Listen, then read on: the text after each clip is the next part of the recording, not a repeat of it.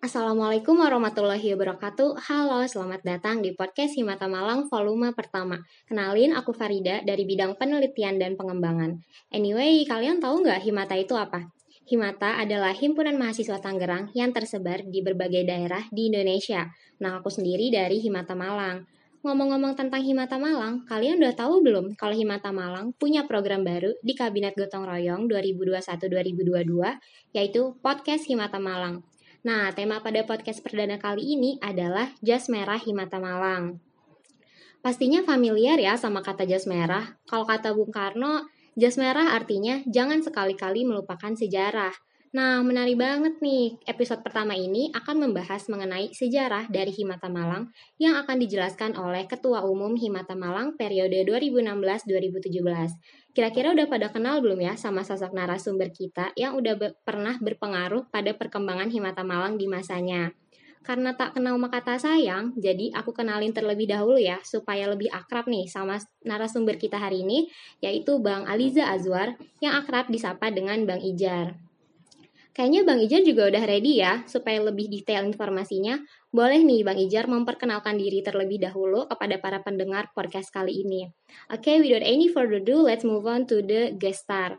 Oke, okay, Assalamualaikum. Halo Bang Ijar, gimana kabarnya? Waalaikumsalam, Alhamdulillah masih diberikan kesehatan. Kalian gimana kabarnya? Okay. Sehat juga ya?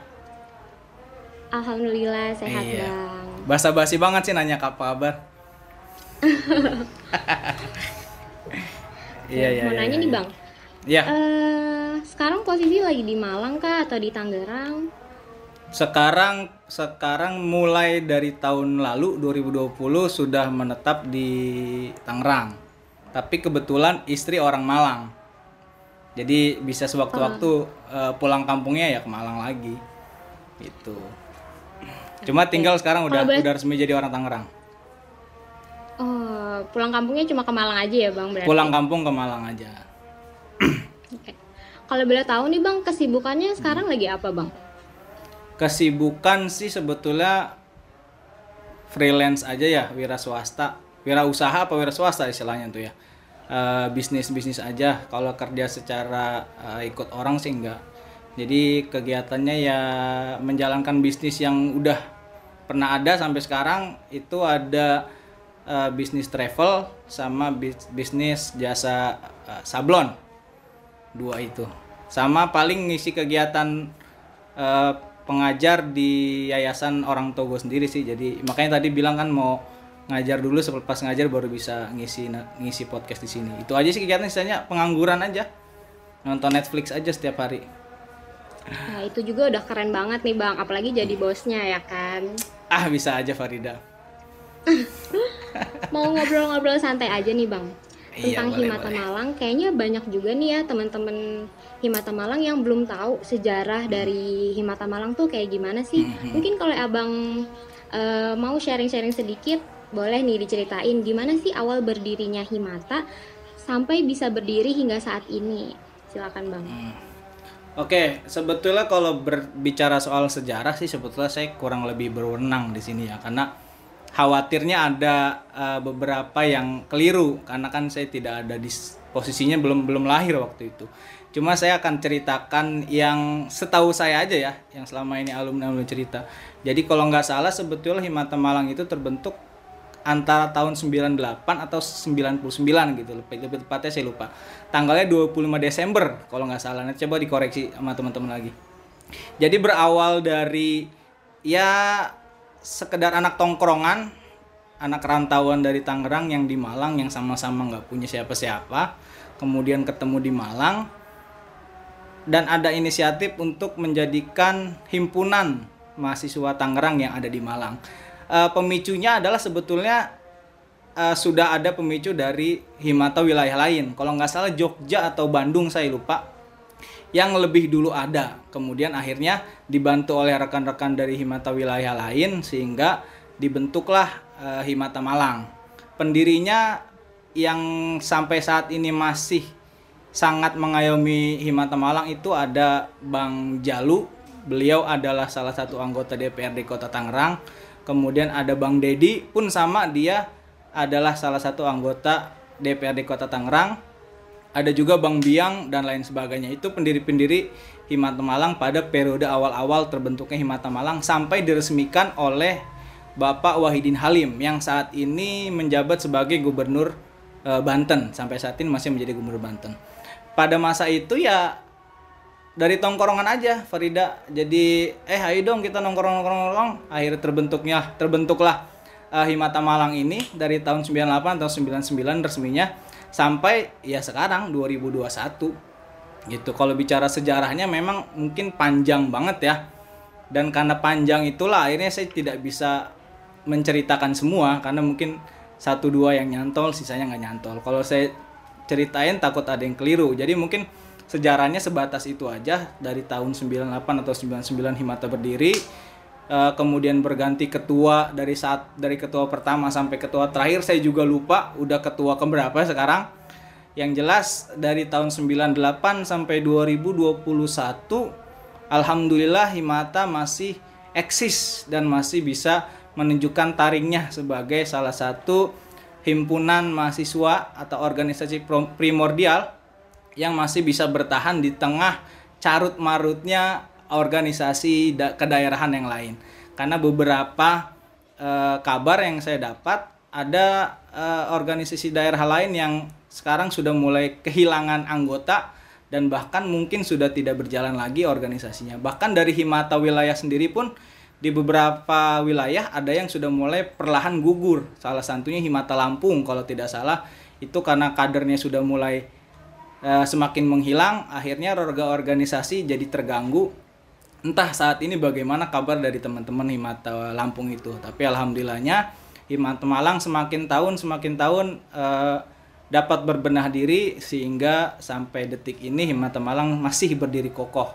Dan harapannya ya tahun-tahun ke depan pun Himata masih tetap eksis. Ya di tangan teman-teman sekarang ini pengurus 2001 2022 ya betul ya periodenya ya.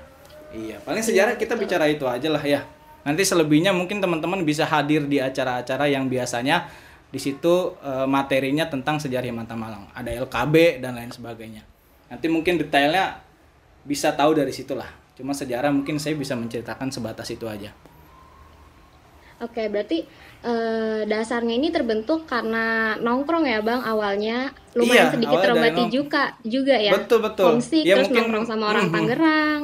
Iya karena kalian sendiri mungkin yang maba gitu waktu pertama kali ke Malang kan merasa aduh gua di kota orang orang di sini ngomongnya Jawa semua. Jadi ketemu orang Tangerang tuh kayak spesial banget apalagi yang memang dari Tangerang dia nggak punya teman. Mungkin kecuali teman SMA-nya udah sama-sama di Malang mungkin beda ya. Cuma kalau kayak saya ini datang ke Tang ke Malang itu tidak punya siapa-siapa dalam artian nggak punya teman dari Tangerang. Jadi ketika di Malang ketemu orang Tangerang tuh kayak Hah, satu dari sekian orang nih gitu. Kayak menemukan berlian di tengah lumpur gitu lah bahasa bahasanya. Jadi dari situlah kemudian muncul uh, dibentuklah organisasi mata secara administratif yang memang uh, atas nama organisasi.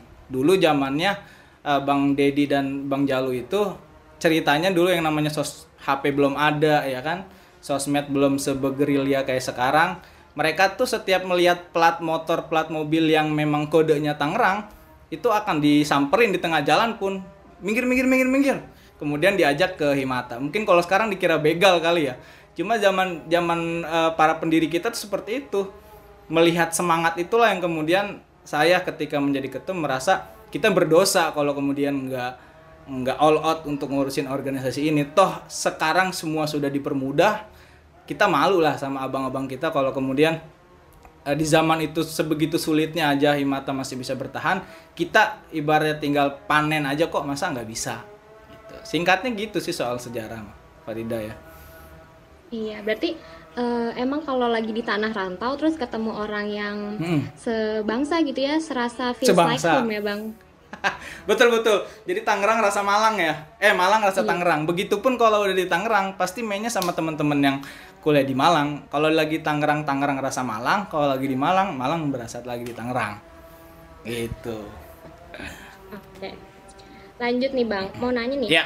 uh, Himata Malang ini kan udah berkembang pesat banget ya. Kalau kita lihat betul. progresnya juga hmm. bagus-bagus hmm. banget. Bagus banget. Dari bagus banget. dari organisasi ini tokoh mana aja sih Bang yang udah pernah bergabung dengan Himata Malang? Uh, Oke, okay. ini kita bicara Himata Malang aja, ruang lingkup secara spesifik wilayah Malang. Uh, sempat saya singgung tadi, salah satu alumni, kalau kita bicara organisasi kan pasti yang menjadi uh, landasan utama kan outputnya. Iya, siapa sih orang Himata yang udah lulus, yang udah menjadi alumni, kemudian uh, menjadi sukses dalam tanda kutip gitu ya, menurut pandangan kita. Yang salah satunya kalau di, di legislatif itu ada Bang Dedi dan Bang Jalu mereka berdua adalah salah satu anggota DPRD Kota Tangerang. Sudah lebih dari dua periode. Bang Jalu itu udah 10 tahun kalau tidak salah udah menjadi anggota DPR.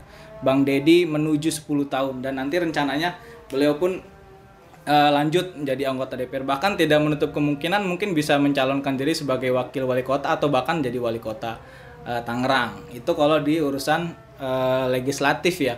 Kalau di luar uh, pemerintahan banyak juga abang-abang kita yang bisnisnya sudah lumayan bagus ada yang sudah menjadi kontraktor ada yang sudah menjadi dosen ada yang sudah menjadi bisnismen atau bisniswoman dan lain sebagainya artinya kalau kita bisa tanyakan satu persatu ke mereka semua yang sudah kita anggap sukses pasti uh, mereka akan menjawab berdirinya mereka di posisi sekarang salah satunya berkat uh, pengembangan diri yang pernah dilalui bersama Himata Malang. Gitu. Jadi mungkin nanti Farida dan teman-teman bisa juga tuh menjadi tokoh yang nanti diceritakan sama adik-adik kita nanti di sekian tahun yang akan datang. Gitu. Amin ya. Amin. Berarti Tapi kalau bicara ah, kalau bicara Himata wilayah lain, karena kalau kita bicara Himata itu kita nggak bisa bicara cuma wilayah Malang. Tentu ada wilayah-wilayah yang lain. Kalau sekarang tuh kalau nggak salah ada 6, 5 wilayah atau kalau tidak salah ada Himata Malang Jogja kemudian Tasik kemudian Bandung Banten dan Himata Jakarta sama Lampung. Lampung ini saya kurang tahu uh, terakhir seperti apa. Kalau sudah atas nama Himata maka ketika kita datang ke Tangerang pulang kampung ke Tangerang kita sudah melepas uh, identitas Malangnya mereka juga melepas identitas Jakartanya, melepas identitas Lampungnya, Jogjanya, Bandungnya. Jadi ketika sudah ke Tangerang, kumpullah di forum Himata itu yang satu tingkat di atas wilayah, ya kita sudah bicara Himata, Himata secara keseluruhan. Kalau bicara Himata keseluruhan itu jauh lebih lebih menjanjikan lagi. Ada yang menjadi wakil ketua DPRD, ada yang menjadi ketua DPRD, ada yang menjadi DPRD provinsi, kemudian ada yang menjadi kepala-kepala dinas, menjadi dosen dan lain sebagainya. Jadi sudah sudah dibuktikan bahwa Himata Malang secara khususnya memberikan pengaruh banyak terhadap pengembangan diri e, para alumni-alumni pada masa waktu kuliah dulu. Gitu, Farida. Ya, berarti Himata ini sebenarnya organisasi yang e, banyak melahirkan orang-orang hebat ya, Bang kurang lebih seperti itu alhamdulillahnya seperti itu. Oke. Lanjut nih bang. E, pengalaman ya. yang dapat dituai nih bang selama abang e, mengikuti Himata Malang kayak apa aja bang? Oke uh, sebelum jauh saya bicara uh, pengalaman pribadi mengikuti Himata ya selama kurang lebih lima tahun. Saya masuk Himata tuh 2000 oh 6 tahun berarti 2015 akhir ya sedangkan saya itu angkatan 2013. Jadi tiga tahun di Malang, eh berapa tahun tuh? 13, dua tahun di Malang, hampir tiga tahun di Malang, saya baru join di Himata. Karena pada saat itu saya juga sibuk di tempat lain, saya sibuk di redaksi majalah karena kebetulan saya dulu salah satu reporter majalah kampus. Hmm kemudian saya juga sibuk di uh, radio radio kampus. Saya juga sibuk di organisasi luar lainnya. Sehingga tidak ada waktu mungkin kalau kita bicara waktu tidak ada waktu untuk join di Himata. Kedua karena pada saat itu kondisi Himata menurut sepemikiran saya kondisinya sedang carut marut mulai dari mulai dari SDM-nya yang sangat kurang dan kegiatan yang sangat jarang. Sehingga saya melihat kayaknya pada saat itu saya nggak worth it kalau misalkan masuk ke situ cuma di akhir tahun 2015 ada salah satu pengurus Himata namanya Nuril alumni 2012 angkatan 2012 alumni yang 2019 mencalonkan sebagai anggota DPRD Tangsel cuma karena belum rezekinya sehingga tidak bisa menginjakan kakinya di pemerintahan. Jadi beliau itu menghubungi saya butuh tenaga butuh orang untuk membantu di kepanitiaan LKB. LKB itu latihan keterampilan bersama salah satu program kerja wajib di Himata Malang. Diklat lah bahasanya kalau di organisasi lain. Pada saat itu saya berpikir, saya bukan siapa-siapa, anggota juga bukan, tapi kenapa ini ada orang ngubungin saya ucuk-ucuk datang minta jadi panitia panitia ya ini udah udah udah aneh menurut saya kita belum pernah kumpul belum pernah kenal tiba-tiba disuruh jadi panitia tapi satu sisi saya berpikir oh segitu nggak ada orangnya ternyata di Himata dan segitu dibutuhkannya kita kita orang Tangerang ini di Himata akhirnya dari situlah saya berpikir oh kayaknya ini momen yang tepat untuk join di Himata. Kalau hmm. cuma ngeluh aja, dalam artian gini teman-teman banyak yang bilang ah males ah ikut Himata gini gini gini. Tapi mereka diem aja, nggak ada niatan untuk merubah gitu. Coba pada saya, saya berpikir, oh mungkin ini momen saya untuk masuk di Himata, berkecimpung, membantu teman-teman yang sudah lebih dulu uh, berenang di sana lah kasarannya gitu. Dan pada saat saya punya pikiran seperti ini, percuma juga ya gue setiap hari banting tulang membesarkan organisasi di tempat lain tapi ada organisasi daerah gue sendiri yang gue abaikan kok gue bisa apatis sama negara sama sama organisasi daerah gue sendiri itulah yang membuat gue terpukul ah oke okay, kayaknya gue harus masuk Himata dari situlah saya masuk Himata di tahun 2015 akhir Kemudian di 2016 bulan Mei kalau nggak salah, saya langsung dicalonkan menjadi ketua. Itu juga lebih aneh lagi. Karena apa? Saya belum 6 bulan di mata, jarang ikut nongkrong hitungannya. Tiba-tiba senior-senior yang tua-tua itu nyalonkan saya jadi ketua. Lebih aneh lebih aneh lagi saya bilang. Wah, jadi panitia aja kemarin masih belum nemu jawabannya. Anehnya tuh masih nempel. Ini tiba-tiba disuruh jadi ketua umum. Bayangkan ketua umum uh, jabatan tertinggi di organisasi itu.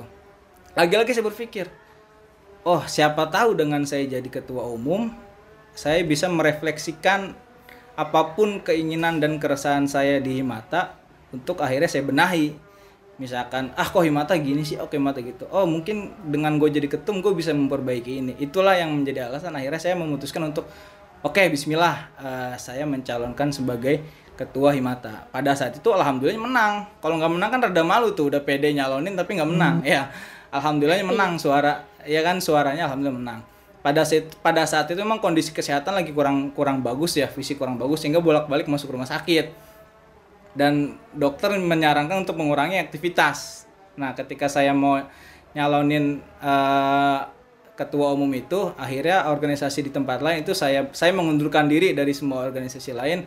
Saya fokuskan di Himata karena merasa tanggung jawab di Himata ini lebih besar. Karena saya palanya nih nggak mungkin palanya nggak bergerak gitu kan. Di 2016 resmi menjadi ketum. Alhamdulillah selama progres itu saya bersama teman-teman saya menamakan uh, organisasi uh, pengurus saya dengan nama uh, pengurus sukarela Kenapa saya menamakan sukarela? Filosofinya adalah kalau orang udah suka dia pasti rela. Gitu kan ya. Ya rela waktu, rela tenaga, rela biaya dan sebagainya. Karena pada saat itu posisinya saya bilang tadi problem utama adalah SDM. Mungkin anggota Himata pada saat itu masih grupnya di WA tidak lebih dari 40 orang. Mungkin yang aktif tidak lebih dari 20 orang. Bayangkan orang Tangerang ribuan ada di Malang, tapi kok cuma ada 20 anak hilang yang ada di Himata gitu. Akhirnya yang saya benahi pada saat itu adalah SDM. Mulailah saya mencari-cari mana orang Tangerang, menghubungi BEM-BEM tiap kampus, koordinasi dengan teman-teman yang memang sudah ada di Himata. Yang dari jumlahnya grup lain sekarang itu saya yang buat dari mulai anggotanya cuma saya doang invite uh, pengurus-pengurus sampai sekarang hampir 500 uh, anggota di line. Meskipun itu sifatnya nggak aktif semua. Tapi paling tidak kita udah punya bahan. Tinggal ngolahnya aja nanti gimana. Kan tugasnya ke pengurusan setelah saya. Jadi setelah itu saya nemu orang di jalan eh orang Tangerang ya? Iya minta nomornya. Orang Tangerang iya minta nomornya. Kemudian butuh orang untuk jadi pengurus ya sudah saya paksa. Ikut ya please bantu untuk kepengurusan ya meskipun dia jawabnya iya yang enggak enggak tapi paling tidak kan ada jawaban iya ya oke okay lah kita masukin. Makanya saya menamakan uh, orga apa pengurus saya itu pengurus uh, sukarela. Karena memang dia sukarela untuk masuk ke dalam. Kalau sekarang kan gotong royong ya nama pengurusnya karena ya kabinetnya. Kalau saya kabinet uh, apa sukarela. Seiring berjalannya waktu alhamdulillah mulai ada tumbuh kepercayaan lagi. Karena saya merasa dan cerita-cerita para pendahulu dulu Himata pada saat itu posisinya uh, krisis kepercayaan dari alumni. Jadi alumni kayak udah ah udah males lah sama Himata cuma ada namanya doang nggak adanya kayak ada wujudnya tapi kayak nggak ada nyawanya gitu loh kas. Ke bahasanya mati hidup segan mati pun tak mau. Orangnya ada. Hmm. himatanya ada cuma seperti mati suri. Nah pada saat itu saya mencoba merubah pola pikir mencoba menambah krisis menghilangkan krisis kepercayaan itu Alhamdulillah pada saat itu e, dibantu teman-teman pengurus dan anggota yang lain tentu bukan saya sendiri yang punya peran penting di situ. Pengurus-pengurus lain membantu kita konsolidasi kita koordinasi dengan teman-teman semua dan alumni. Alhamdulillah pada saat itu acara yang pertama kali saya adakan adalah santunan anak yatim dan buka bersama. Karena momennya pada saat itu yang bisa dikerjakan adalah buka bersama. Alhamdulillah kita pada saat itu bisa uh, melakukan santunan di salah satu panti asuhan di Malang yang jumlah anaknya mungkin lebih dari 30 orang. Dan dari anggota Imata Malang sendiri alhamdulillahnya lebih dari 20 orang hadir. Itu salah satu pencapaian yang pencapaian yang luar biasa. Menurut uh, eh, senior senior saya waktu itu karena saya kan hitungannya anak baru. Kemudian ketika di Tangerang saya juga buat uh, buka bersama bersama alumni kasarannya sekalian reuni. Alhamdulillahnya juga semua pendiri-pendiri itu hadir. Dan jumlah anak yang ikut itu lebih dari 50 orang. Itu alhamdulillah. Dan sampai uh, alumni itu kaget. Saya seumur umur baru kali ini anak himata sebanyak ini. Dan mayoritas hampir 99% itu orang Tangerang. Karena sebelum saya menjabat justru didominasi oleh himata uh, oleh masyarakat atau warga di luar Tangerang, ada orang Depok, ada orang Bogor, ada orang Medan bahkan ada di Mata juga. Itu saya bingung kenapa orang Medan ikuti Mata, orang Depok, orang Bekasi. Tapi di masa kepengurusan saya alhamdulillah saya bisa merekrut teman-teman hampir 99% itu orang Tangerang semua dan lebih dari 50 orang itu hadir. Nah, mungkin mungkin momen itulah yang membuat uh, alumni menambah gairahnya lagi. Wah, ternyata Himata belum selesai sampai di sini. Dari situlah kemudian uh, kami bersama teman-teman terus uh, menjaga kepercayaan dari alumni. Akhirnya kita membuat membuat kegiatan segala macam. Uh, kita berpikir membuat formula bagaimana Himata Malang ini menjadi daya tarik punya daya tarik daripada mahasiswa-mahasiswa lain. Karena sejujurnya Himata Malang dulu dianggap ah apaan sih? Nggak jelas. Gitulah kalau kata bahasa anak sekarang. Apaan sih? GJ nggak jelas. Gitu gitu kan. Saya mencoba merubah citra itu. Alhamdulillah momen 2016 2017 masa saya menjabat itu teman-teman sudah mulai terbuka matanya. Oh, ternyata Himata ini tidak bisa dipandang sebelah mata. Bahkan saya pernah dapat cerita beberapa kali salah satu kepengurusan BEM uh, fakultas bahkan mengikuti pola uh, organisasi yang ada di Himata, mulai dari pendekatan ke anggota, kemudian pengeratan uh, terhadap satu sama lain. Mereka mencontoh apa yang ada di Himata dan bahkan sekarang orang udah nggak orang udah nggak malu ngaku anak Himata. Dulu tuh orang malu anggap anak Himata. Dan lebih condong ikut ke salah ke satu uh, organisasi di Brawijaya. Ada yang untuk Jabodetabek dulu uh, untuk gabung di situ. Di di Malang tuh malah mereka malu. Sekarang alhamdulillah mereka udah pede make uh, alma mater Himata Malang. Alhamdulillah udah pede Laskar Cisadane itu yang klub futsal itu berdiri di kepengurusan saya mungkin sedikit itu sih eh itu banyak sih nggak sedikit ya cerita saya ya berarti e, berawal dari ditarik jadi panitia kemudian dicalonkan hmm. jadi anggota akhirnya nyaman Jalankan dan jadi berdedikasi ketum. ya bang iya ketum, dijalankan jadi ketum hmm, hmm. akhirnya ya sudah ketika udah di dalam oh ternyata e, pandangan terhadap himata tuh dulu salah dianggap nggak jelas. Ternyata ketika udah masuk ya itu yang paling nyaman dibandingkan organisasi yang pernah saya ikutin hmm. sebelumnya. Jadi tidak pernah ada merasa menyesal uh, keluar dari radio nggak pernah menyesal keluar dari majalah. Ternyata ini lebih worth it daripada organisasi yang lain yang pernah saya ikuti sebelumnya. Gitu. Hmm. berarti Himata ini dulu uh, sebelumnya pernah di underestimatein ya tapi akhirnya bisa justru mm -mm. Uh, bertumbuh lebih besar dan bahkan sekarang udah punya nama ya bang betul gak? Udah kalau nama dari dulu udah punya Himata Malang kan tapi dianggap sama orang-orangnya kayaknya kalau saya boleh memuji diri sendiri dan tim saya sih kayaknya sejak 2016 itu awal permulaannya makanya saya sering bilang ke teman-teman gambaran himata pada zaman saya itu adalah zaman di mana uh, ibarat manusia habis kecelakaan sedang berusaha untuk bisa jalan lagi Alhamdulillah bisa jalan normal. Nah, gimana caranya kepengurusan selanjutnya membiasakan orang yang habis kecelakaan ini udah bisa jalan normal, udah bisa lari, kayak gitu. Udah mulai dipandang oleh organisasi lain. Alhamdulillah responnya positif dari orang-orang baik di internal Himata maupun dari uh, eksternal artinya mungkin dari orang luar Tangerang, organisasi Tangerang yang lain, organisasi luar Tangerang yang lain yang juga memuji eksistensi daripada Himata Malang. Bisa dibandingkan mungkin sama yang bukan menyombongkan organisasi kita ya coba mungkin eksistensi Mata Malang dibandingkan dengan teman-teman yang lain kayaknya Mata Malang lebih unggul gitu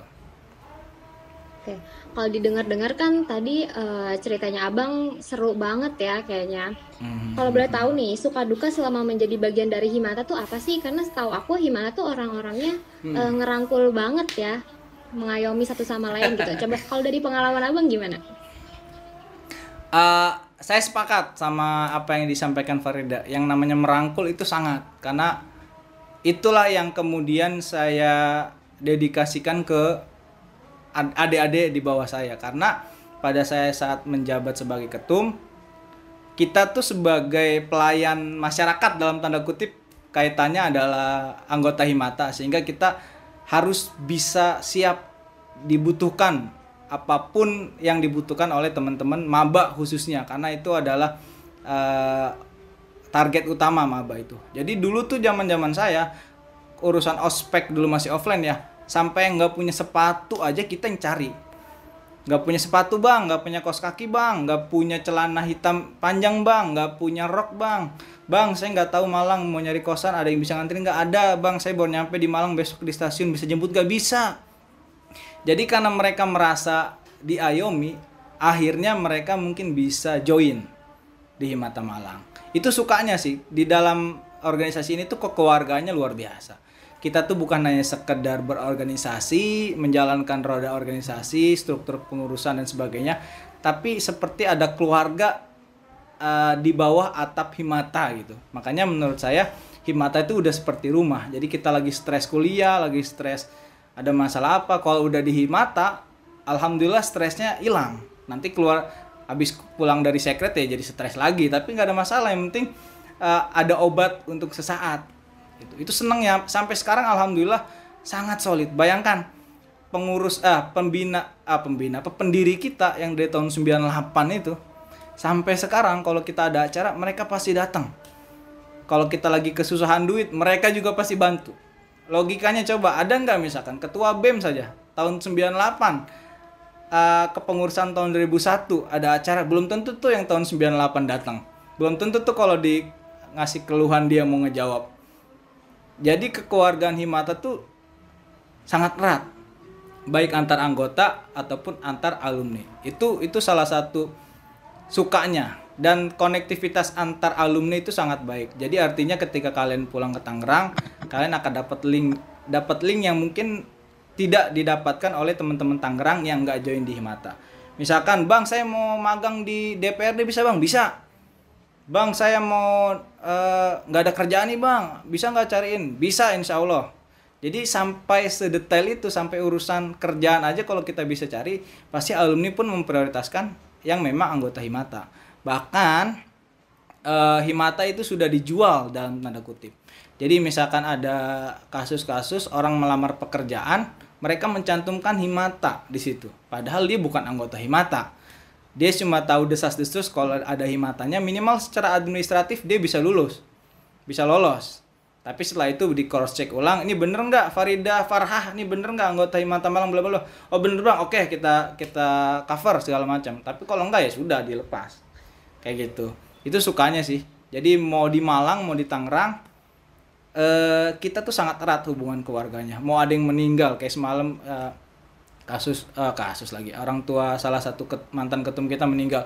Ya kita datang ke rumahnya takziah bahkan salah satu teman kita teman kita juga teman saya dan anak himata pernah ada yang meninggal juga waktu tahun 2016 kita urus semuanya pengurusan jenazahnya sampai pulang ke Tangerang. Itu teman-teman Himata Malang yang punya. Bahkan salah satu orang wali murid teman saya itu bilang yang belum masuk Himata ya, ya udah kamu masuk Himata aja. Nanti kalau meninggal ada yang ngurusin sampai bilang kayak gitu temen uh, orang tua teman saya. Karena sebegitu mengayomi, betul. Saya setuju sama yang dibilang Farida, sangat mengayomi itu betul. Itu betul. Itu yang mungkin nggak ada di organisasi lain. Kemudian dukanya adalah karena itu tadi karena kita dianggap di, dianggap sebelah mata underestimate sama internal maupun sama eksternal jadi kadang ketika kita minta mereka join tuh kita kayak di apaan sih nggak jelas loh kayak gitu kasarnya gitu contohnya misalkan himata dengan bukan himata aja ya mungkin organisasi daerah lainnya itu tidak bisa disejajarkan dengan bem sangat itu nggak apple to apple.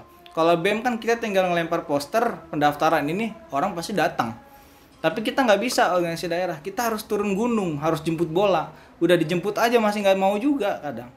Jadi kadang yang merasa sedih itu dari orang Tangerangnya sendiri merasa apatis dengan organisasi daerahnya sendiri. Itu kadang yang bikin miris lebih ke miris. Ya Allah kok lu nggak mau sih ikuti mata? Lu kan orang Tangerang gitu. Loh itu sih paling suka dukanya. Tapi lebih banyak sukanya yang pasti. Pasti ya jadi dan kalau iya ikut- pasti. Nggak nyesel lah nggak nyesel lah. Mungkin saya bisa bilang rugi juga kalau nggak masuk himata tuh. Iya benar karena eh, himata ini sebenarnya basisnya kekeluargaan ya bang. Betul betul betul betul. Makanya nggak makanya nggak cocok himata dibikin pola kayak organisasi organisasi kampus yang dimarah-marahin. Kalau diklat anggaplah diklat. Diklat di UKM di kan ntar dia marah-marahin senior ntar ada drama berantemnya di dipelonco segala macam di himata enggak kita setiap acara harus mengedepankan kekeluargaan. Pes- selalu pasti diselipkan komedi-komedi lah di setiap acara himata tuh mau seserius apa pasti ada selipan komedi di situ. Jadi membuat kita nggak tegang dan nyaman. Karena itu tadi saya bilang, Himata tuh kayak rumah, kita udah stres tempat lain, ke Himata tuh biar ngilangin stres. Jadi jangan sampai Himata malah nambah stres. Gitu sih. iya jadi eh, udah stres sama dunia perkuliahan Betul. ketika ke himata seperti pulang ke rumah ya bang Nah, eh, tempat bercanda, nongkrong ngobrol ketawa-tawa, ya gitulah. Kan- Kangen kangen kalau sama momen itu sampai sekarang jujur masih kangen. Oke, jadi eh, untuk teman-teman nih jangan ragu ya buat join Betul. di Himata karena udah pasti diayomi dan dirangkul. Betul. Ya, benar sangat ya, dirangkul. Bang? Betul. Bahkan Iya. saking dirangkulnya ada beberapa alumni yang sampai nikah sama sesama anggota Himata. Jadi berawal dari Himata berakhir di pelaminan. Nah, saking merangkulnya, tinggal jodoh-jodohin aja ada nggak jodohnya di Himata gitu. Siapa tahu nanti Keren Farida banget. jodohnya orang Himata juga kan nggak ada yang tahu. Iya, siapa tahu jodohnya Bagas tuh. Oh, enggak lagi katanya gas. Iya, gitulah suka dukanya.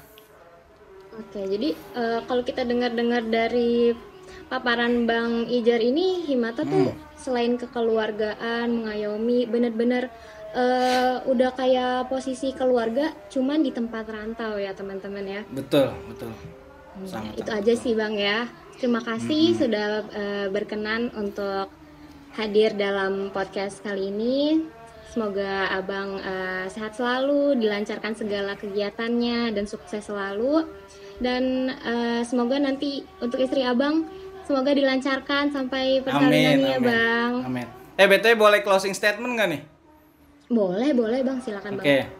Ini eh, tadi udah sempat saya bilangin tuh bahwa yang menjadi tamparan untuk nggak supaya supaya join ke Himata itu pertama adalah eh, buat apa sih kita membesarkan organisasi organisasi lain tetapi kita acuh dengan organisasi daerah kita sendiri Tangerang.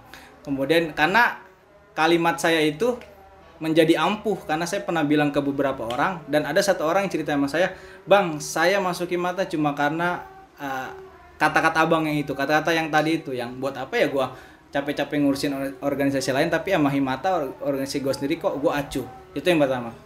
Kemudian yang kedua, jangan pernah bertanya eh, apa yang telah di, apa yang telah diberikan oleh Himata buat kita. Tapi justru kita harus bertanya apa yang udah kita berikan buat Himata. Kenapa? Karena Himata sudah memberikan segalanya buat kita. Dari saya cukup sekian, terima kasih.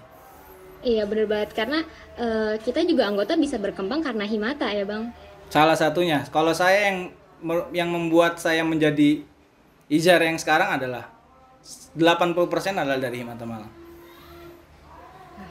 keren banget kan bang. Eh, terima kasih ya bang. Sama-sama Farida. kasih. Sukses untuk kepengurusan tahun ini. Iya amin. Terima kasih bang. Oke. Sama-sama. Teman-teman sampai jumpa di eh, podcast Himata Malang volume berikutnya. Wassalamualaikum warahmatullahi wabarakatuh. See you. Waalaikumsalam. See you.